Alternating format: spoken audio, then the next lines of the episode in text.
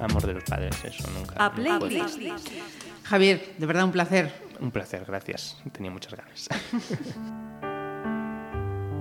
Non hai cancións de verce para dormir Non hai mistos para fundir Os pesadelos entre as sombras Que habitan as esquinas do xardín Están aquí as estrelas que pintamos no ceo As estrelas que vimos Hola, saúdos eh, Temos eh, nesta última playlist do, do ano 2018 a unha escritora, poeta concretamente, galega, unha muller eh, de nombre de nome máis que coñecido aquí na, na cultura non só de Galicia, senón tamén fora de Galicia.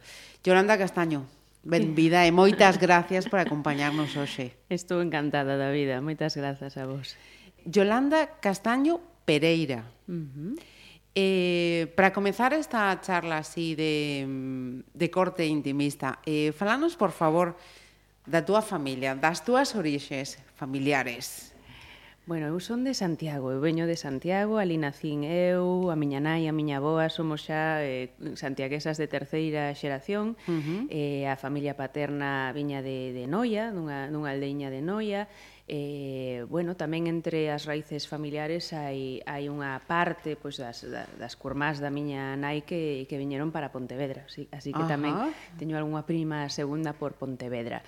E eh, aos 13 anos, no ano 90, eh, o meu pai, que era marino mercante, a miña nai bióloga, eh, destinarono, eh, bueno, encontrou, mellor dito, un, un traballo en terra, e despois desa vida non cun pé aquí, un pé no mar, que tan dura foi para, para a crianza de, de miña e de meu irmán para a miña nai, pois eh, por fin a, a familia podía estar máis unida e co meu uh -huh. pai xa en terra na Coruña. O primeiro ano Ajá. Uh -huh. el estivo viaxando, eh, pero, bueno, a miña nai lle parecía que era un risco innecesario e que era mellor que nos trasladásemos todos a, a, Coruña. a Coruña. Así que no ano 90 pois a familia se trasladou enteira para lá, eh, e a partir de aí xa, se continuei eu xa pois, a, a miña formación secundaria e mesmo universitaria en, en xa Ajá. na Coruña, aínda que meu pai tivo que acabar volvendo ao mar, pero xa eh, estábamos ali. E imos poñer eh, nomes a, a túa nai e o teu pai, por favor. Pois miña nai é Dolores, Dolores Pereira, e meu pai Emilio, Emilio Castaño, o sea que entre froiteiros anda o xogo, non? Teño un nome moi vexetal, como ves. Emilio e, e, e Dolores e tu irmá é maior, é máis pequeno? Meu irmán Alberto Castaño é, é menor é, uh -huh. ten 5 para 6 anos porque naceu eh, tarde no ano en decembro, aínda aínda máis tarde que do que agora e, e é menor que a min uh -huh. e el pois eh, continuou o seu traballo cara, cara o mundo do son, da música pois das grava, da grabación de son e, -huh. e ah. tamén o mundo do, do audiovisual en cuxo ámbito se desenvolve hoxe uh -huh. Cales eran as, as afeccións que, que, que tiña Yolanda de, de nena? Os xogos, que, a que xogaba Yolanda de, de pequena? Fíxate que xa dende moi moi cativa, eh, máis que xogar as bonecas, gustábame disfrazarme, por exemplo. Sí. Algo que creo que quedou en min, non? Que se nota que me gusta xogar a, a, a ser outras, a ser outros, a través dos trapos, non? Eh, gústame pois, esa, esa coquetería. Hai que dicir que non, non, non mencionei antes que, que a miña boa era modista, era unha das modistas uh -huh. máis ah. coñecidas de, de Santiago, tiña un, un taller de modas en, en Santiago, eh, e por aí tamén nos ven algo, non? Esa maneira de de, tamén de abrirse paso na vida pois cun un traballo artesanal, e sendo unha muller forte e profesional, uh -huh. como foi miña aboa, non? Entón gustábame moito disfrazarme. E, e despois a afección pola poesía xa apareceu sendo moi moi noviña eu, porque retiña sete anos, claro, cando empecé a a facer poemas, non? O sea, eu xa era, xa era poeta con sete anos. Con sete anos. eh, a boa materna ou paterna? Materna. Materna. materna. Mm, miña nai tirou por outros derroteiros, como che decía, estudou biología e parte de farmacia, pero, pero tamén algo dese gusto pola confección que dou na familia. Ajá. E imos seguir falando entón nese momento Yolanda eh, poeta, pero antes imos facer a primeira das túas eh, seleccións musicais. Eh, con que imos comezar? Pois gustaríame que xa que falamos de mulleres fortes, de mulleres pois empoderadas, non como como esa esa modista, a miña familia e esa bióloga, pois gustaríame eh que comezásemos con Voz das Amigas da do grupo Leilía, do grupo galego feminino Leilía, porque é unha das das cancións que teño a honra de ter escrito na miña carreira. A miña voz compañera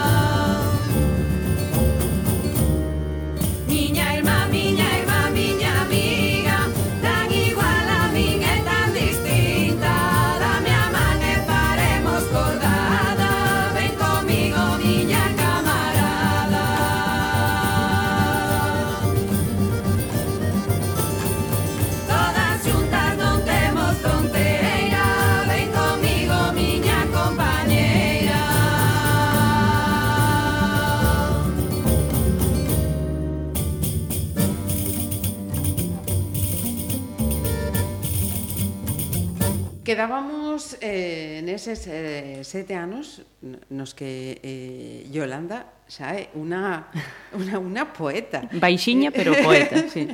Mira, eh, se pregunto polo, polo primeiro non sei, pero polos primeiros libros que lembres ti ler, cales son? Eh, pois, por exemplo, os primeiros libros de poesía que caeron nas miñas mans, pois estimulada polas profesoras, polas mestras e pola miña familia, foron como non de Gloria Fuertes. Ah, Gloria Fuertes era a miña ídolo total uh e eu sí, quería sí. ser como a ela e estou traballando niso. Uh -huh. Creo que cada vez máis parecida.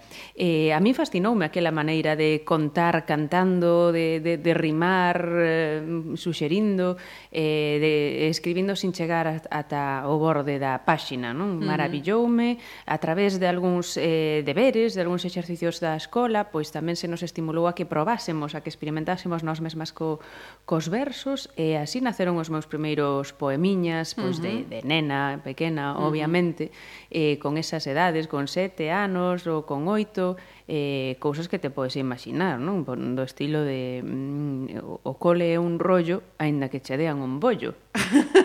sempre recordo, non? Este grandioso verso, pero bueno, por algo se empeza, non? Por algo se empeza. Uh -huh. A partir de aí pois fun pois lendo máis cousas, enriquecendo o meu mundo poético, uh -huh. obviamente. Eh, pois chegou un momento en que me levaban dunha aula a outra para que lese diante das compañeiras, sí. dos compañeiros, uh -huh. claro, para que recitase os meus poemas ali, non? Bueno, aquí ven Yolanda, vai recitar un poema que escribiu ela sola. e así me convertín na, na poeta do cole. Ajá. A poeta do cole, pero de, decías eh, tamén que, que na túa familia xa mm, eh, empurraban tamén, ¿no? Hacia este xénero da literatura. Bueno, eh, eles pois sempre valoraron moito as manifestacións artísticas, en que non viñan deses mundos, pero valoraban moito e sempre foron pois eh, alentadores e sempre estimularon esta, esta faceta uh -huh. miña, non? Ajá. Eu tirei máis cara, cara a poesía, pois sempre, ah, pois que ben, fíxate, que ben, que estupendo, pois eh, has de escribir outro e tal, sempre animando e valorando, non? Ajá. Que creo que é a maneira de estimular a, a unha rapaza, un rapaz. Pois no, no caso do meu irmán tiraba máis cara cara a música, a como música. che comentaba uh -huh. antes, non? E, e bueno, pois hoxe en día toca, canta, e incluso ten unha banda de, de covers de, de Pantera, xa ves que tira cara estilos ben diferentes o, Forte. o meu, se gusta a cousa jevichiña, pero pois teñen un dos, dos pois seguramente o mellor grupo de covers de Pantera de, de toda Europa, non? Display uh -huh. of Power. Mira, e, e daquela quen, quen poñía a música na, na casa dos Castaño Pereira? Bueno, eh, meu pai cantaba algo, de feito, hoxe en día está tamén metido nunha coral, xa ves que non nos para a cabeciña, que a cousa creativa e artística, entón, pois, recordo eses, esa, eses traxectos no coche para ir, pois, a Noia, a casa dos avós, ou para ir a veranear a algunha outra zona de, de costa, tamén aquí nesta provincia uh -huh. e tal, e ir cantando no coche, xuntos ás veces, non?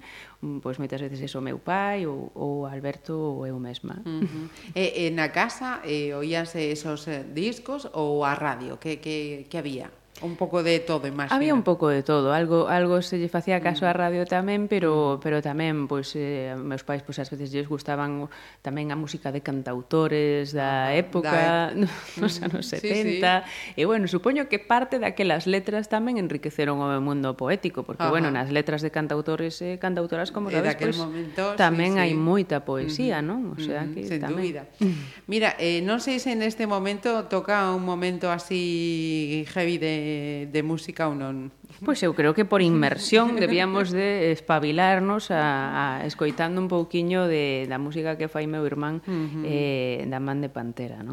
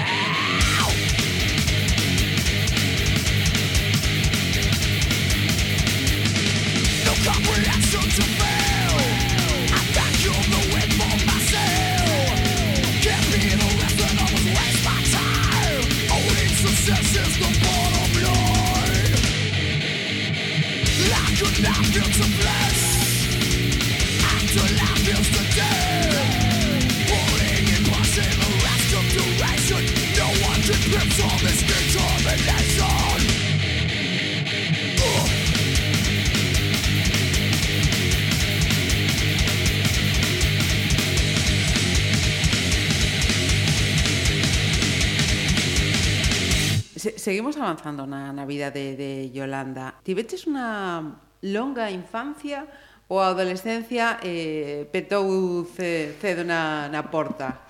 poderíase decir que petou cedo e, e marchou tarde. Entonces, sí. de verdade, a adolescencia deixa deixa ir, non? Pero conforme está, Dios mío, é, é como un sarampelo, non? O sea, é un é un pesadelo longo. E eu sempre fui unha nena así como, aínda que era moi aplicada, e pois así con un expediente moi brillante e tal, pero uh -huh. eso nunca foi óbice de que fose unha nena pois, contestataria, unha rapaza eh, rebelde, eh, moi crítica, enormemente crítica, con moita conciencia, entón, pois claro, todo isto parece que se multiplica non? na etapa da, da adolescencia, sí. na que tamén tratas de pois, afirmar un pouco a túa identidade, andar a contracorrente, non?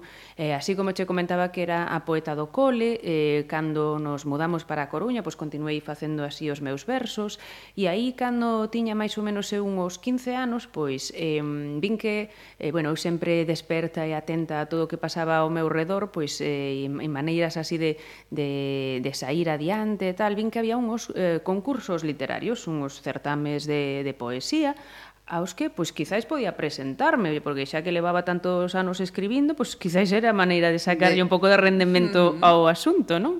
Así que me presentei, sobre todo porque recordo que, que quería pois xa pois, ter os meus propios gastos e tal, e, e me pareceu unha, unha vía, non? Así que me presentei a un primeiro certame cando tiña 15 anos e, e gañei, gañei ese, Ajá, ese premio, que ademais tiña unha pequeniña dotación económica, uh -huh. pero que para min xa era sustanciosa. Ajá. Eh, e ese foi o primeiro dunha, dunha lista de premios de poesía pois menores, que podemos chamar, non? Por, por destinados a un solo poema, un único poema de entre 50 e 100 versos, pero que eh, pois foron facendo unha listiña que, bueno, pois uh -huh. me foi dando a coñecer. Ajá. Mira, eh, tranquila, entón, non, unha rapaza tranquila, dende logo... Xa máis, no, xa máis, xa máis non nos parou a cabeciña xa desde un principio, xa buscando pois como podíamos eso, eh, pois dar a coñecer os nosos poemas, eh, pois o mellor abrirnos paso en algún certame. Tamén recordo moito pois eh, bolsas que había para estudar no estranxeiro, o mellor unha lingua estranxeira, unha lingua de, de, do resto de Europa durante un verán, entón eu iba moitas veces eh, a pasar os veráns pois a Londres, a Francia, incluso a Escandinavia, eh, pois eh, con axudas que había pois eh, eh, así para, para mozos e mozas uh -huh. para que coñece, para que ampliásemos os nosos horizontes que uh -huh. foi algo que tamén sempre me gustou desde o principio, non? Sempre me interesou. Experiencias enriquecedoras, en dúbida, esa, esa idade, non? Pois sí, había que organizalo unha mesma, non, non cho daban feito, claro. Ajá. Tiñas que ti pois, correr con toda a organización de pois, o, o curso no que te matricularías, o aloxamento no que pasarías eh, ese verán, eh, e o título que acadarías, pero para min eso nunca me, nunca me parou os pés, nunca Ajá. me deu medo pois, organizar eu con 14 anos, con 15, con 16, e mesmo con 17, pois, organizar esas, esas saídas. Non, nunca me disuadiu, así que pois, pois eh, a compensación foi poder te, ter todas Coñecer esas experiencias mundo. por aí adiante. Mira, eh, que imos escoitar agora? Bueno, algo pois, así do pois estranxeiro, algo de aquí... Precisamente, pois xa que falábamos do, do estranxeiro, eh, conectando coas miñas viaxes, pois eh, e a, ah, primeiro con eses eh, cursos e logo xa pois pola miña conta, viaxando sola, que nunca me meteu medo pero e que me abriu o mundo, pois aí pois eh, con, descubrín unha das artistas que hoxe en día máis me gusta, que é Bjork, Así que eh, podemos eh, escoitar precisamente Bachelorette, no? que é un, que unha, unha canción pois, da, daqueles tempos, dunha islandesa, tamén acabei viaxando a Islandia, non, uh -huh. non para estudar o, a lingua, pero sí para coñecer, non? Despois de estar aforrando durante un curso enteiro, recordo que, que un agosto marchei a Islandia a seguir os pasos de Björk, así que a escoitamos. Música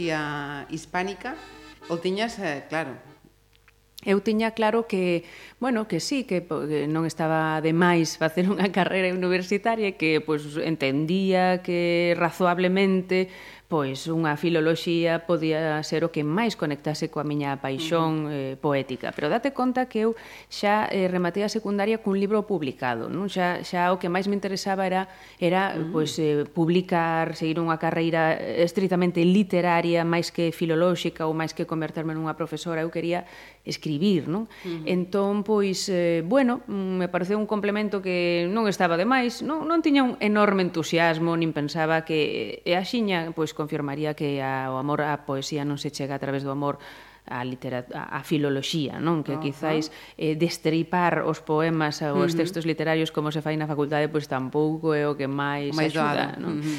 Pero, pero bueno, foi unha, unha formación que nunca está de máis, uh -huh. eh, eh, e os, eu quería facer a, a carreira na Coruña porque non me quería mover da casa, non quería investir demasiado demasiada enerxía nin demasiado tempo non no tema Ajá. da carreira. É certo que acabei con un expediente moi bo e, e tal, pero bueno, en total non fixen grande uso del, que se diga. E, e entón eu quería sobre todo ter o tempo para concentrarme para, para abrirme paso na literatura. Ajá. Tiña sinalado que esa primeira publicación da que falabas foi no 95. Efectivamente, con de, 17, 17 anos. Claro. 17, tiña que 18, non? claro, son 17. Aínda tiña 17, aínda non, non entrara na, na carreira, non? por eso... Hmm. Eh, o título, eh, espero a atopalo aquí... Elevar as meus... pálpebras. Eh, aí está. Mm. Eh, como foi esa primeira criatura? Vela aí na, nas túas mans xa publicada. Pois, eh, así como tirara polo tema dos premios, non pola vía dos certames literarios para irme dando a coñecer a través dese premios, premios de poesía menores, pois tamén foi a través dun certame que logrei publicar o meu primeiro libro. Non Presentei unha colección, xa, xa unha colección enteira de, de textos poéticos, eh, que traía, cuxa, cuxo premio traía aparellada a publicación desto en formato libro, non? Uh -huh. eh, un formato libro dentro da colección Espial Maior, que era estupenda, así que pois, despois de resultar galardoada tuven, puden ver o soño cumprido de, de atopar o meu nome nunha portada dun primeiro volume. Non? E con 17 anos. debe ser como, wow. Sí que foi un soño e sí que hoxe entendo pois, que, que mudou un pouquiño a miña vida, a miña forma de, de vivir ou de entender as cousas. Non? Uh -huh. Tamén hai que saber repoñerse, situarse, eh, eh, bueno, pois, eh, procesalo axeitadamente Eh, o primeiro poemario pois é o primeiro poemario, o segundo xa é pois tamén casi máis di, uh -huh. máis difícil ou un reto maior, non, de de de, de aposentar os, os teus pasos, non? Pero pero bueno, foi foi unha experiencia marcadora, claro. Mira, porque ese eh, atribúe atribúe eh, é un tópico, eh? eh ese halo de de misticismo os os poetas. Mm creo que é algo eh, herdado do romantismo, me, me dá a sensación, non? que pinta un pouco o estereotipo do, do poeta ou da poeta así como un Lord Byron ou algo así, non? como poetizando. E é un estereotipo eh, do que eu estou radicalmente en contra, claro. Mm. Eu son unha muller moi do meu tempo, creo, non? Que sobre todo nesas épocas, ahora xa pouco menos, pero saía moito, eh, eh non, nunca perdonei un venres nin un sábado, nin aínda que tivese exames, non? E, e volvía moi tarde, non? De madrugada, estaba conectada pois co pois eso, ca música, ca, ca vida de, da miña... De unha muller do teu tempo, sí, sí, unha rapaza da, da miña idade, claro. E pois que me, me interesaba pois, tanto a moda como as viaxes, como o deseño, como un montón uh -huh. de cousas eh, e creo que, que esa imaxe así tan mística lle fai moi fraco favor, polo que uh -huh. teño com, com, comprobado ao longo da miña carreira, non? Pois eh, que se pense que non comemos, que non pagamos Nos hipoteca, socializamos, non? Sí, sí, sí. E outras cousas, non? Mais máis eh, materiais e máis sociais e máis políticas, non? Que tamén uh -huh. son importantes, pois eh, ás veces hai moita moita confusión que creo que lle fai moi fraco favor, non? Ajá.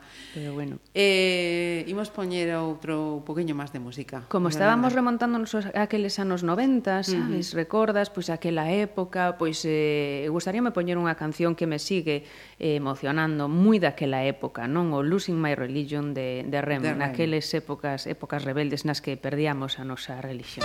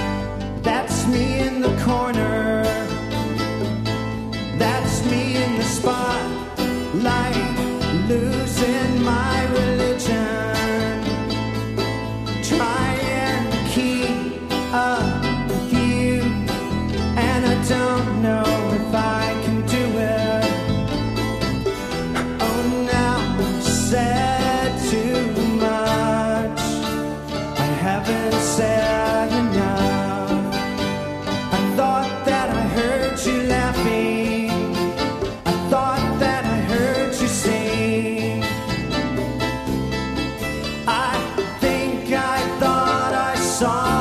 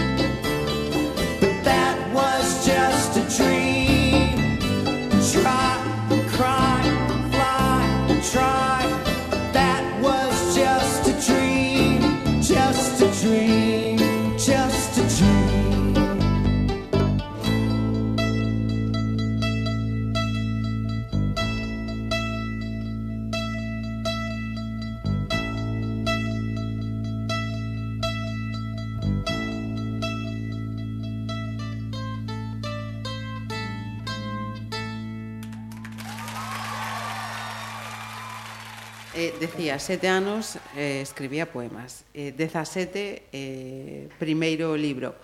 O teu entorno próximo tiña clarísimo, clarísimo, cal tiña que ser a túa profesión entón. Eu sabía que, aínda que ninguén dese un peso polo que escribía, eu iba a seguir escribindo non? Ou seja, mm, é un, a miña maneira de comunicarme, a miña maneira de, de expresar as miñas emocións, de poñer en claro e de poñer por escrito, e fora de min tamén, pois aquilo que sinto, que ás veces é difícil non pois entendelo ou abordalo ou manexalo ou tratar de, de controlalo, así que eso pois sempre me, me acompañaría, sempre me acompañará. O que aínda non adiviñaba era que podería vivir diso, non? Como hoxe pois eh, é un soño feito realidade, pero pero bueno, teño claro o que pasase o que pasase, sempre seguiría escribindo poesía. Ajá. Mira, eh, hai algún eh, consello, conversa, eh, palabras de, de, de algún escritor ou escritora eh, que teñas marcado? Precisamente nos últimos cursos da, da facultade, de, cando facía Filoloxía na Coruña, como recordábamos, no, a finais, moi xa a finais dos 90, eh, visitounos eh, Luisa Castro, unha muller, Ajá. unha poeta que ademais uh -huh. ahora se volve a reeditar eh, e cuxa influencia na, no que despois parte da crítica chamou xeración dos 90 foi uh -huh. moi notable, non? Límola con Debezo eh, e sí que influiu non nas poéticas que empezaban a, a botarse a andar naqueles anos 90. E ela díxonos curiosamente un consello que en realidad parece un paradoxo, non? Que dixo eh, o único consello é non sigades consellos. Bueno, parece un abutado, parece unha parvada, pero ten o seu aquel, uh -huh. non? O que serve para uns non serve para outros, ás veces o, o que se espera de ti, a expectativa, mm, pesa demasiado e tes que trazar o teu propio traballo, o teu propio camiño, non? Eu si seguise o consello de, no, mellor aproba unha oposición e nos teus ratos libres escribe, que era un pouco o modelo que pois, preponderaba uh -huh. naquela época, non? pois non tería soñado todo, todas estas estes luxos que hoxe vivo e que houbo que sachar, non, pero que pero que se convertiron en realidade, non? Se si non hai un camiño, pois abre o ti tamén, mm, o sea, claro. Mm, entonces, pois ao final tivo máis sentido do que parecía aquel okay. non seguir consellos. E entón, eh, cando, como e eh, eh, onde escribe Yolanda? Eh, últimamente hai que adaptar o proceso creativo ao, ao estilo de vida non que temos como o de hoxe de apenas comer, chegar correndo en coche, despois ter unha presentación volver correndo para, para Coruña e o mellor pois pasado mañá coller un avión, entonces eh, pois o mellor ir tomando notas en salas de espera nun, nun avión, nun, nun aeroporto eh, e despois chegar encontrar un momento no que podas por fin sentarte pois cando non hai tanta actividade ou mellor pois na época de pois nun agosto ou nun xaneiro máis parados pois sentarte a, a compoñer todas esas notiñas, uh -huh. non? Que a veces paras nunha cuneta para tomar unha, un apunte, pero despois todas esas notiñas hai que darlles un, un fío conductor, non? E, de composición. Uh -huh. Aí é cando encontro momentos para escribir poñemos entón outras eh, notais, notiñas eh, musicais a esta, a esta charla, Yolanda. Pois eh, xa que aínda no, no remol así dos, dos, dos 90, eh, hai unha, unha canción que me sigue gustando de Alanis Morissette que está un pouco, é unha canción un pouco especial, un pouco unha cara B dentro do seu traballo que se chama Invited eh, pois por, por todos aqueles que non somos invitados a, ou todas aquelas que non somos invitadas non? A, a determinados códigos, pero que aínda así nos abrimos paso.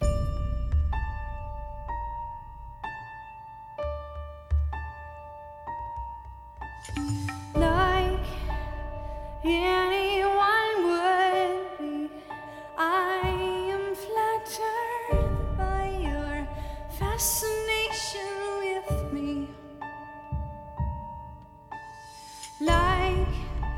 Any hot blooded woman, I have simply wanted an object to crave. But you, you're not allowed. You're uninvited. An unfortunate slide.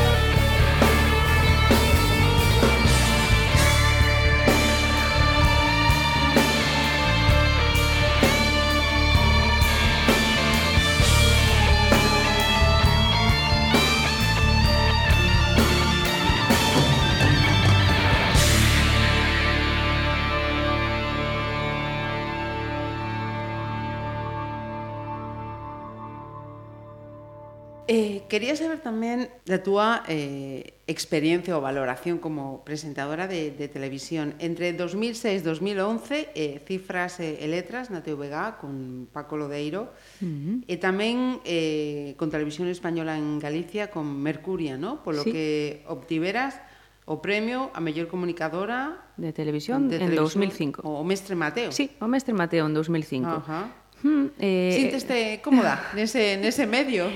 Moito. Despois de Filoloxía, eh, eu estudara na Escola de Imaxe Son, na Coruña. Uh -huh eh, buscando un complemento, pois efectivamente, non que pudera pois eh, formar o meu interese que xa tiña daquela por polo medio audiovisual. Ao fin e a cabo son plataformas de comunicación, non, de expresión, pois seguro que ti mesma sentes o mismo, Marisa, e, e bueno, pois é diferente a comunicación dende unha páxina dun poemario que dende unha pantalla, pero ao fin e cabo pois sempre hai ese ese valor da comunicación e podía eh, pensaba que podía desenvolver un traballo por aí e foron pois anos moi felices, non? En proxectos moi distintos, o de Mercuria que eu mesma dirixín e, e guionicei e, e presentei con ese pois mestre Mateo que foi pois, pois todo un estímulo e despois os cinco anos e medio en, en cifras e letras ao longo de 1170 programas claro, xunto a pois sí, xunto aos compañeiros eh, Jorge Mira e Paco Lodeiro. Foron eh, épocas maravillosas de moito riso, de uh -huh. moito feedback, moito cariño así do público. Despois se eh, fixo máis complicado xa compatibilizarlo pois cunha carreira cada vez máis máis intensa no, no literario, pero sempre lle darei cariño a, a aquel, a aquela época na que, pois, pues, eso, eh, a xente me, me tiña como máis máis perto, non? Ajá. Eh, saltamos eh, entre as facetas, entre as actividades desta muller tan, tan inquieta, porque tamén eh, fuche secretaria da Asociación de Escritores en Lingua Galega.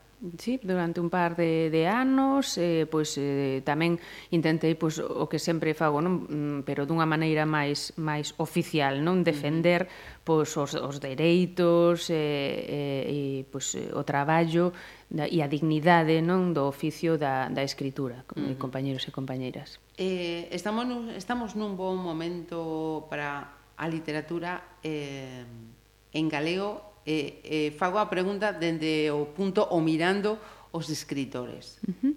Vamos a ver, o que é a creación está nun momento fantástico, o sea, en, en, en moitísima calidade, diversidade, sobre todo se si, si contrastas con outros outras literaturas que podemos chamar veciñas, non? Se si uh -huh. comparas coa literatura feita en castelán ou en catalán ou en portugués, Euskera, ou en francés, ou, ou tal. Uh -huh. Entón, aí eh, estamos eh, moi arriba, ou seja, están moitos mirando cara a nós, cara a inmensa calidade, a capacidade de risco, de vanguarda, ao compromiso coa literatura que, que está habendo aquí en, en Galicia. O que xa está coxeando muitísimo é pois o, o mercado, o ah, circuito, parte, claro, o, o eh, a institucionalización da, da, da literatura, o sistema editorial, non están dando boa saída a toda esa creatividade, non estamos tendo bons circuitos de proxección exterior da literatura galega como hai noutros, noutros lugares, noutras latitudes Ajá. que en cambio o mellor mm, no creativo tampouco están tan fortes, uh -huh. pero sí teñen unha política cultural forte, non? Eh, Ajá. sólida que os que os lanza e que os promociona e aquí pois carecemos diso, pois desgraciadamente. Pois, pues, o sea, estamos algo así como nun embudo. Un pouco, sí. Claro, mm, non, non está ben, ben, ben trazado ese circuito para que saiamos afora, entón eh, debecen por escoitarnos, eh, interesalles moito que facemos, pero non chegamos, non chegamos porque non se poñen eh, pois eso, os vieiros, os camiños e as condicións para que o fagamos. Imos facer unha paradiña máis.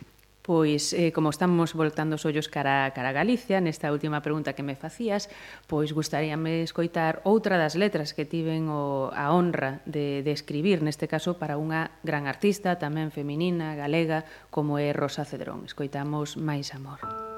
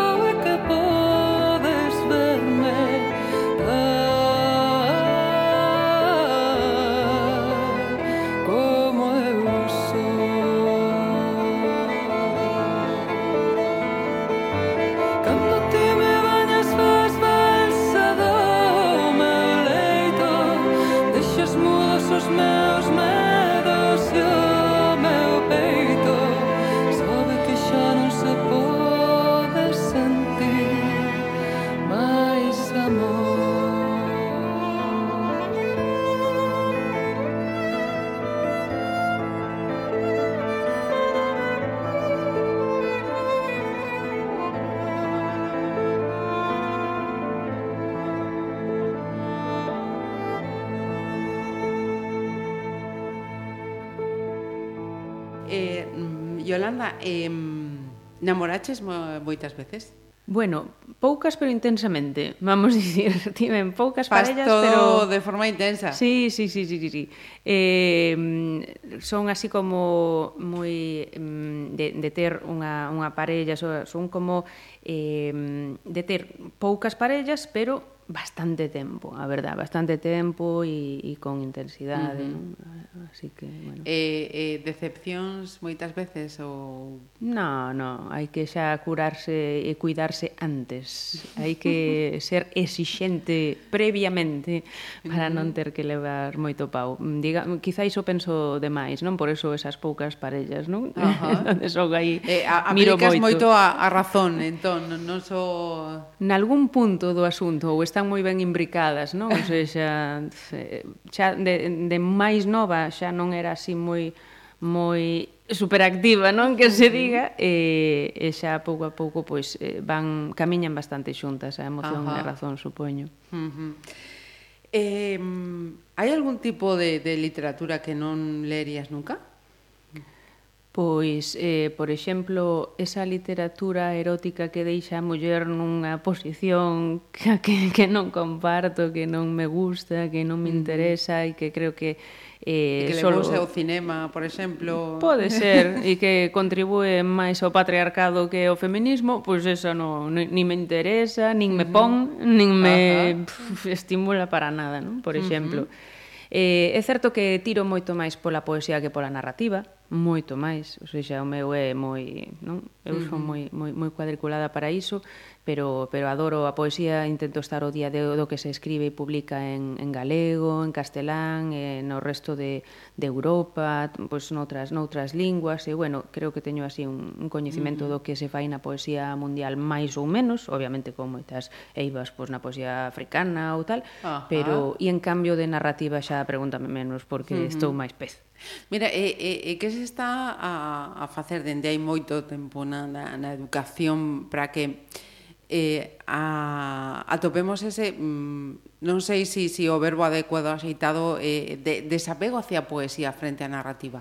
Supoño que é unha pescada que morde a cola, que as propias mestras, os propios mestres ás veces carecen das ferramentas eh, coas que abordar a poesía e eh, resultalles máis doado pois eh, relegarse a, a, a aos personaxes, o nudo, o desenlace, uh -huh. non dun, dunha para poder analizar unha obra máis narrativa.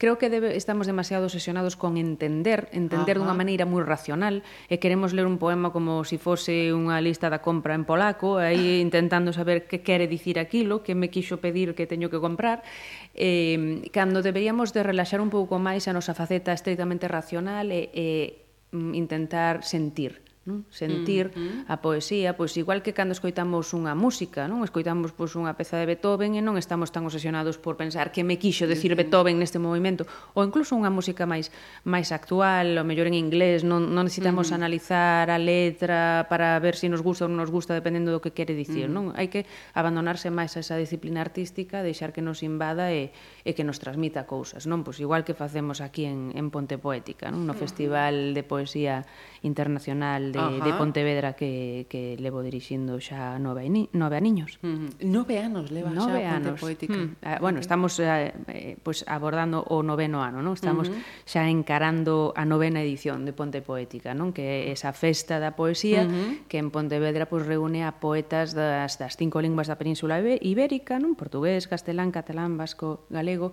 e un par delas máis do resto de, de Europa. Por ela pasaron mm -hmm. pois grandes poetas tamén en esloveno, en italiano, sí. en en, en, Irland, en inglés, ou seja, de, de moitos lugares, pois enchoupando Pontevedra de poesía, nesas performances nocturnas, nas lecturas no teatro principal, nas visitas a, a institutos, ahora que falabas da, da educación, ou, uh -huh. ou en un pequenos obradoiros en masterclass. Ajá.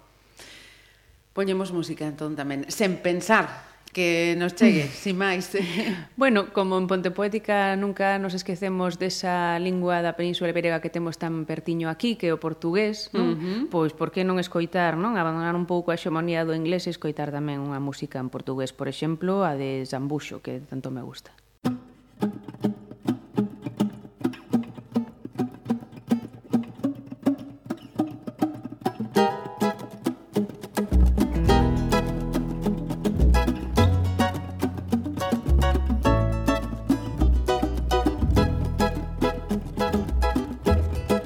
Avisei, meu amor, que não podia dar certo e era coisa de evitar. Como eu devias supor que com gente ali tão perto alguém fosse reparar. Mas não, fizeste beicinho e como numa promessa ficaste nua para mim pedaço de mau caminho. Onde é que eu tinha a cabeça quando te disse que sim? Embora tenha jurado, discreta permanecer, já que não estávamos sós. Ouvindo na sala ao lado teus gemidos de prazer, vieram saber de nós. Nem dei pelo que aconteceu, mas mais veloz e mais esperta, só te viram de raspão. A vergonha passei eu, diante da porta aberta, estava de calças na mão.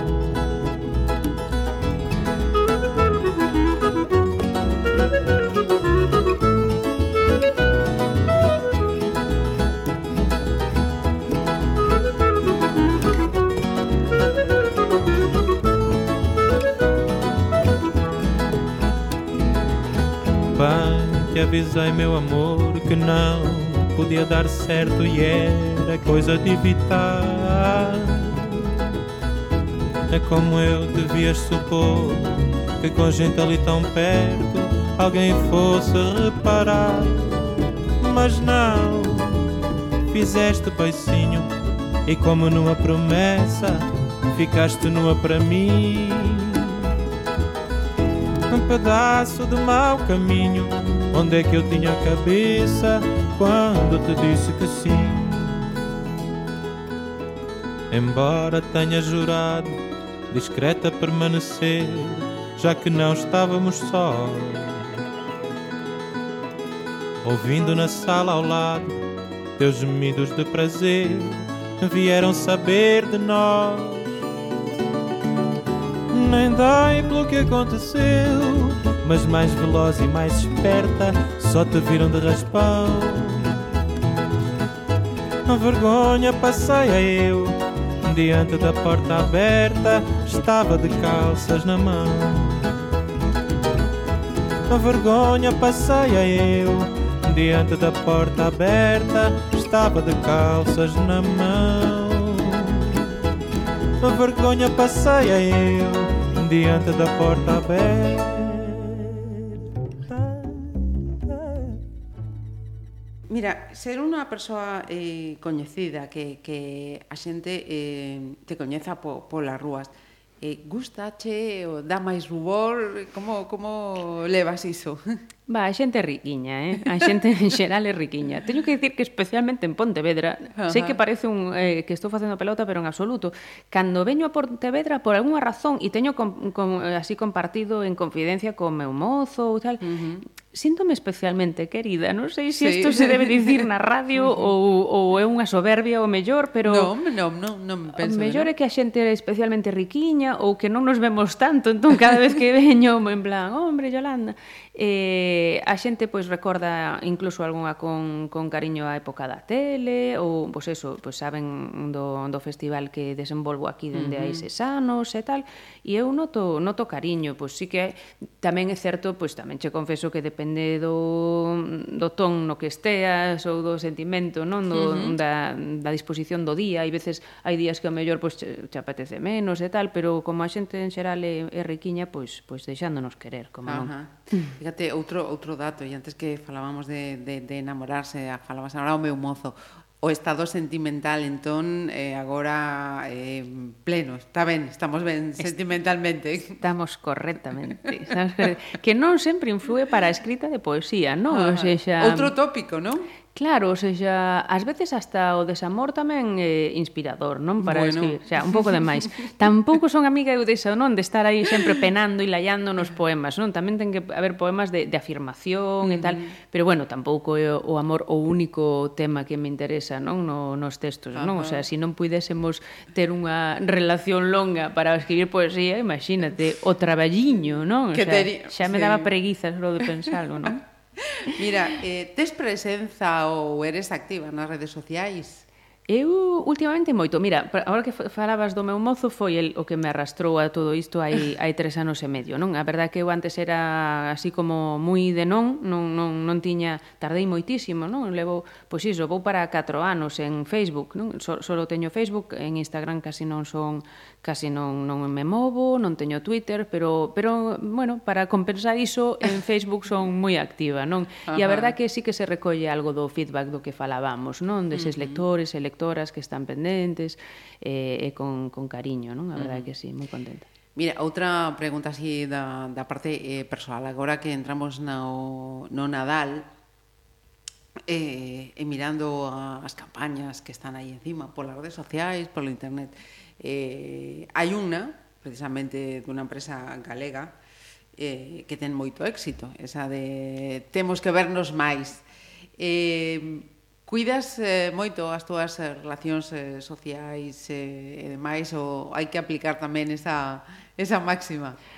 Seguro que quedan materias pendentes, non asignaturas pendentes, porque, bueno, a veces eh, recoñezo que o meu traballo tan exixente, non? un traballo como son autónoma, freelance, eh, intentando vivir dun oficio creativo, pois pues, mm. claro, non, non se pode no, eh, eh traballar oito mm. horas o día de luns a venres, nada máis, non? Mm -hmm. O mm-hmm. sea, claro, non, non, non hai fins de semana, non hai horarios, entón eh, intento suplir, supoño que esa vida social, pois, con moita chamada telefónica, moita mensaxiña, moito iso, e, e bueno, pois, eh, fago un pouco de autocrítica e pensando que pouco a pouco, conforme vayamos eh, cumplindo anos, hai que intentar rebaixar o número de horas traballadas e, e máis as e compartidas. Claro que sí. Mira, antes de voltar a, a parte profesional, que, que imos a escoitar agora? Bueno, ahora que falábamos de, de esa popularidade e tal, non? Pois eh, de redes sociais, un dos, dos eh, vídeos que se fixo así máis popular por redes sociais eh, foi precisamente un de, de, de corte musical, aquel no que eu cantaba con, con Nacho Vegas, non? que a, foi unha, unha proposta que xurdiu dende, dende o sur, dende Andalucía, na que nos xuntaban a un poeta, unha poeta e un cantautor ou cantautora, uh -huh. e tiven a sorte de, de caer con Nacho Vegas e facermos dúo pois por varios povos de, da provincia de, de Córdoba. Pasámolo moi ben, eh, rímonos moito e, e aí estamos con Nacho Vegas.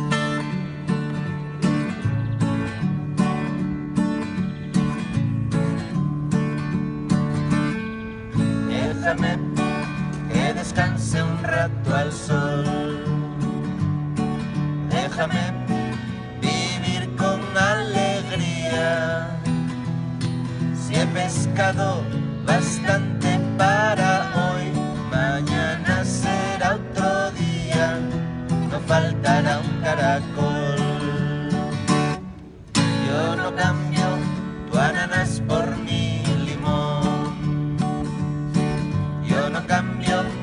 salmón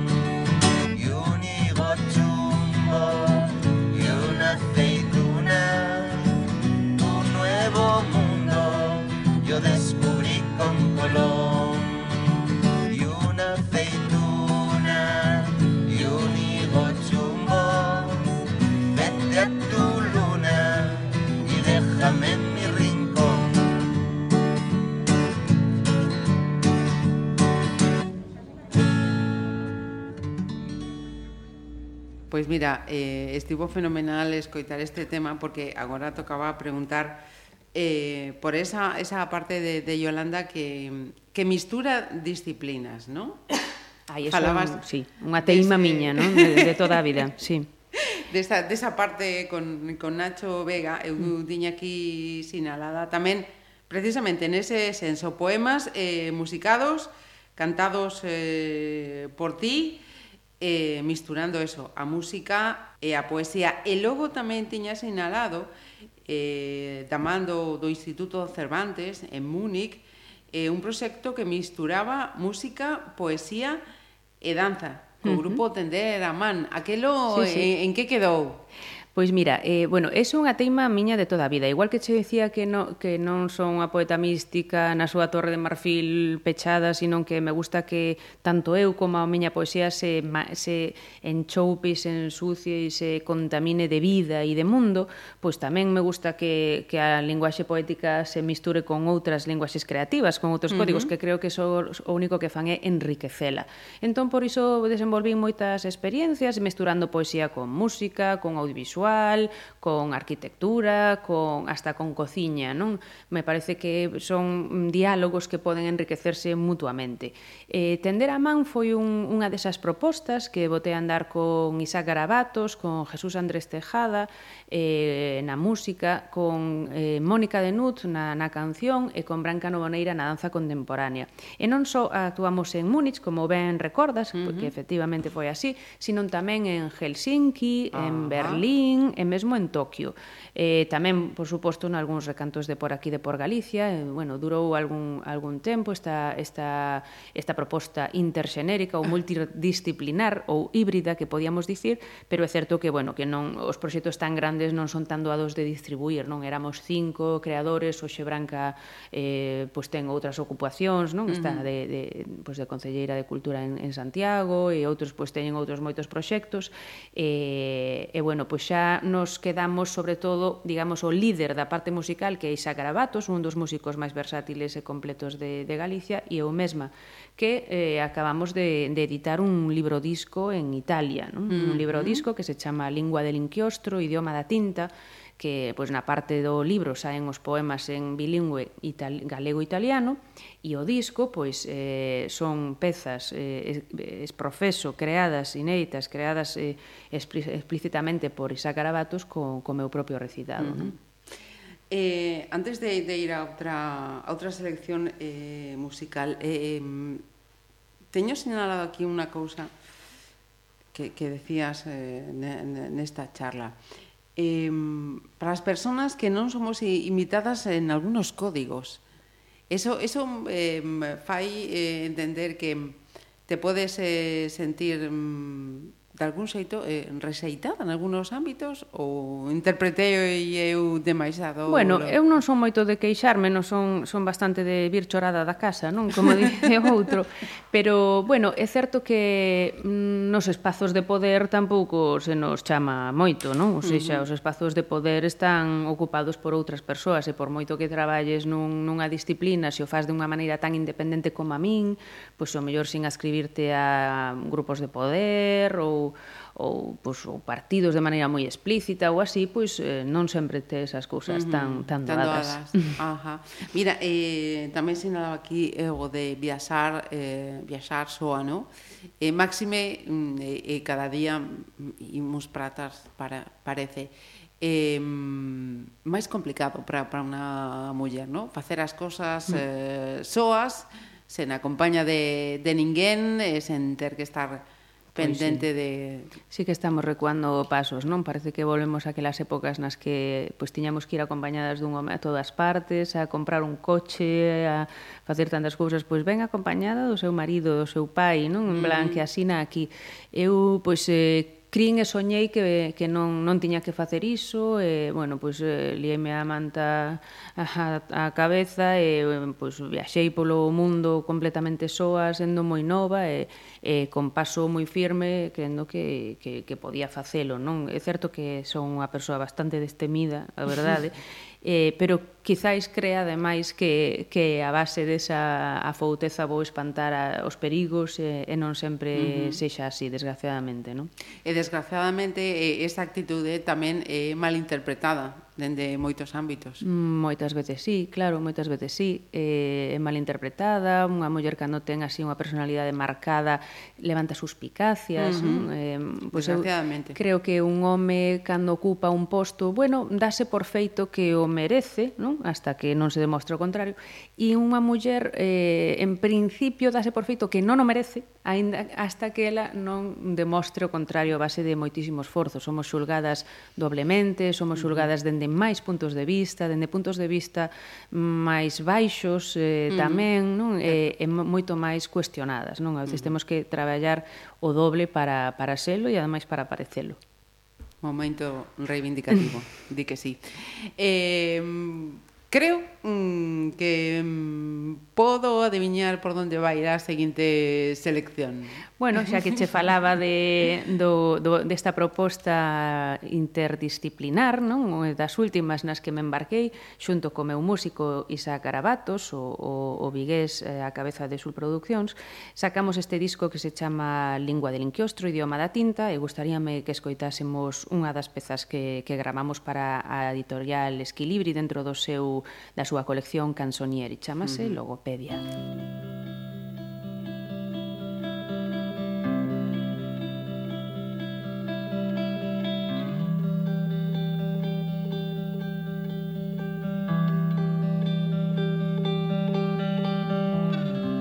Deixa que che ferva un té que nos recorde a quen amamos.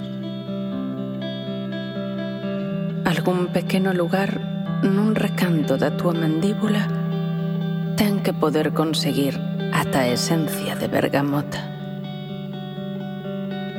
Pero de toda a vida nos matan os problemas de dicción. Ese seu ese que prende nas miñas ganas de sorberllo. E ti és tan palatal. pechando un simulacro debaixo das moas do xuizo.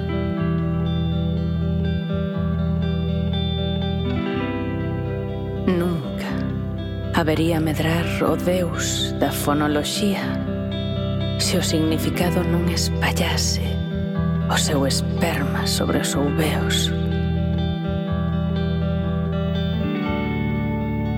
As miñas cordas vocais volvense sogas para esta calamidade que non encontra maneira. O que vai tirar entón da campaíña da miña glote como un tren desbocado que quixésemos frear. E o teu nome pégaseme ao padal. Como que o común non é doado pronunciar Earl Grey Bonjour, monsieur. Quero un Earl Grey. Pero que quero eu sí que impronunciable.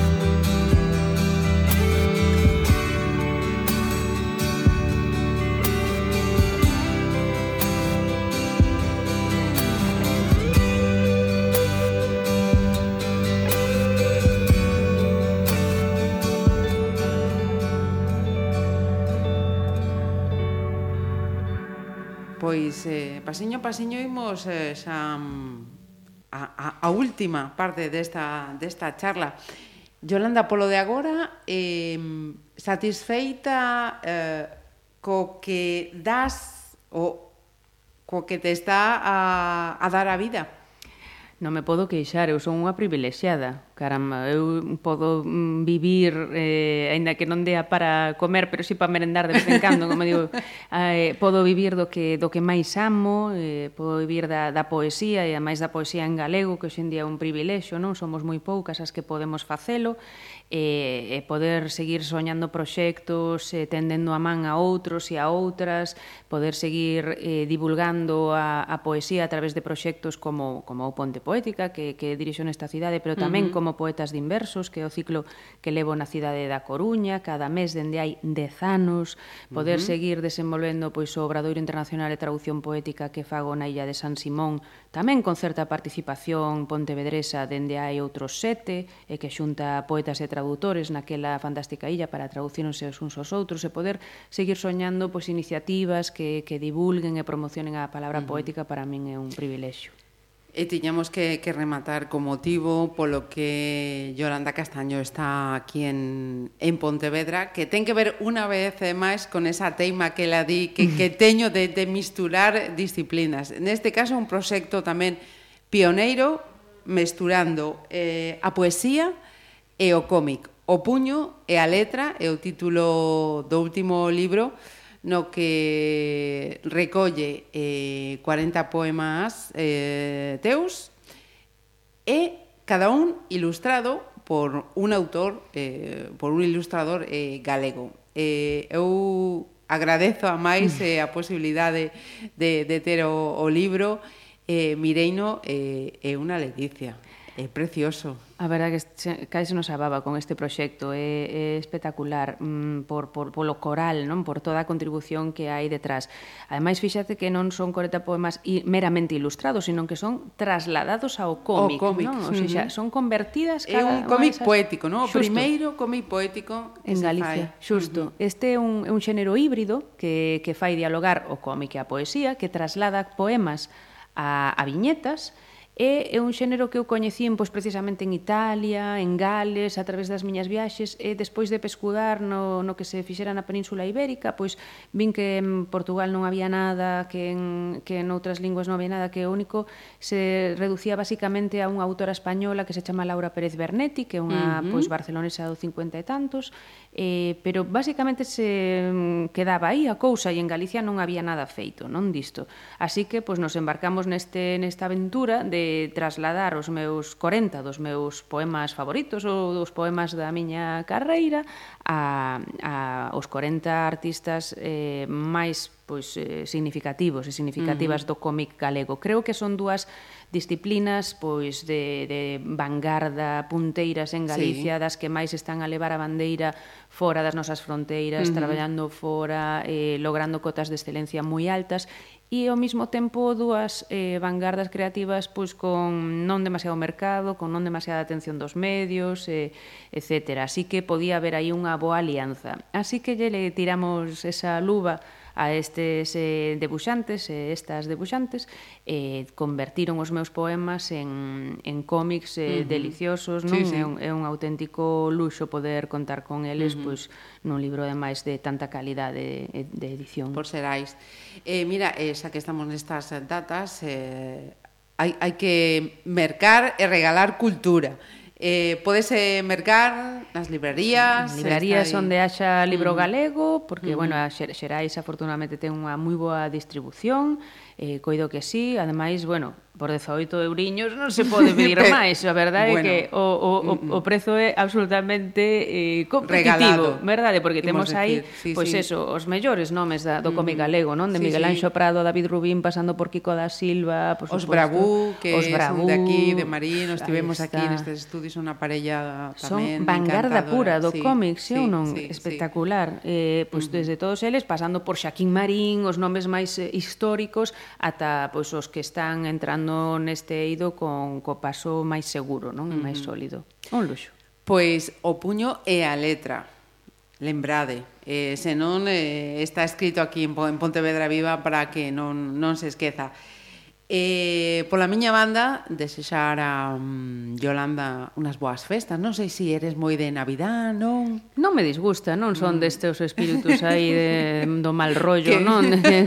Encontran a parte fea a todo, non? Hai que verlle a parte bonita. Eu non, non é que sexa moi, moi, non é que sexa religiosa, en absoluto o son, pero, por exemplo, o cambio de ano me parece estimulante, uh -huh. me parece que podemos facer balance do que pasou, pois soñar cousas boas para o futuro, encontrarnos con amigas e con amigos, e eu a todo iso encontrolle unha parte uh -huh. linda, claro que sí. Pois que veñan moitas eh, cousas boas no 2019, Igualmente, Yolanda, un placer desexo. poder coñecerte, charlar contigo, eh, con que imos pechar esta playlist. Pois, así como dicía que non era moi relixiosa, pero si son fervente crente na poesía, vamos deixar con Pagan Poetry, con esa poesía pagá da miña artista favorita da islandesa Björk. Björk.